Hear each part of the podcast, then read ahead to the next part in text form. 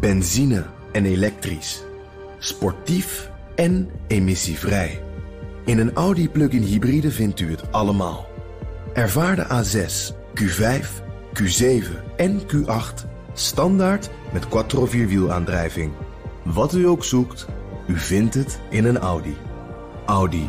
Voorsprong door techniek. De column van Bernard Hammelburg.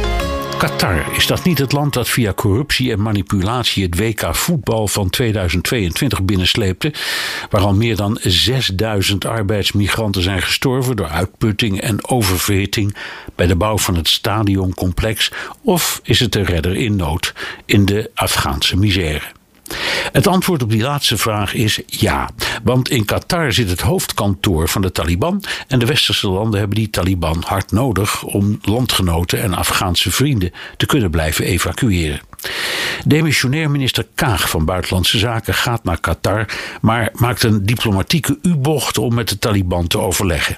Rechtstreeks is lastig, want dan valt de Tweede Kamer over haar heen en dus lopen de gesprekken via Duitse diplomaten die van hun Bundestag wel gewoon met de Taliban thee mogen drinken.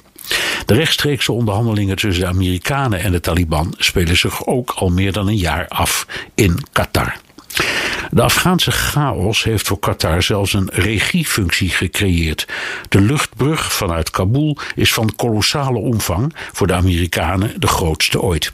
Bijna 115.000 mensen krijg je niet in één keer overgevlogen, zeker niet als je van al die mensen de papieren moet checken.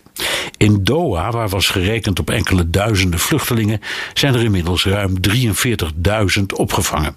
Bijna 40% van alle geëvacueerden is via Qatar gereisd, inclusief een groot aantal journalisten en diplomaten. Dat kun je sympathiek vinden, maar hier speelt ook weer een eigen belang voor zowel Qatar als Amerika en andere westerse landen. Want in Qatar ligt de grootste Amerikaanse luchtmachtbasis in het Midden-Oosten. En daar is Central Command gestationeerd, dat het commando voert over alle operaties in de regio. Dus niet alleen Afghanistan en Irak, maar bijvoorbeeld ook de luchtacties tegen IS, waaraan Nederland heeft deelgenomen. De basis is, samen met bases in Bahrein en Djibouti, het kloppend hart van de Amerikaanse militaire machinerie. De grootste klappen uit de langste durende oorlog uit de moderne geschiedenis worden, nu het Westen heeft verloren en hals over kop op de vlucht slaat, opgevangen door Qatar. Vandaar dat de hartverscheurende verhalen en vernietigende rapporten over de slavenarbeid en het WK voetbal wegglibberen in het moeras van de selectieve verontwaardiging. Benzine en elektrisch. Sportief en emissievrij. In een Audi plug-in hybride vindt u het allemaal.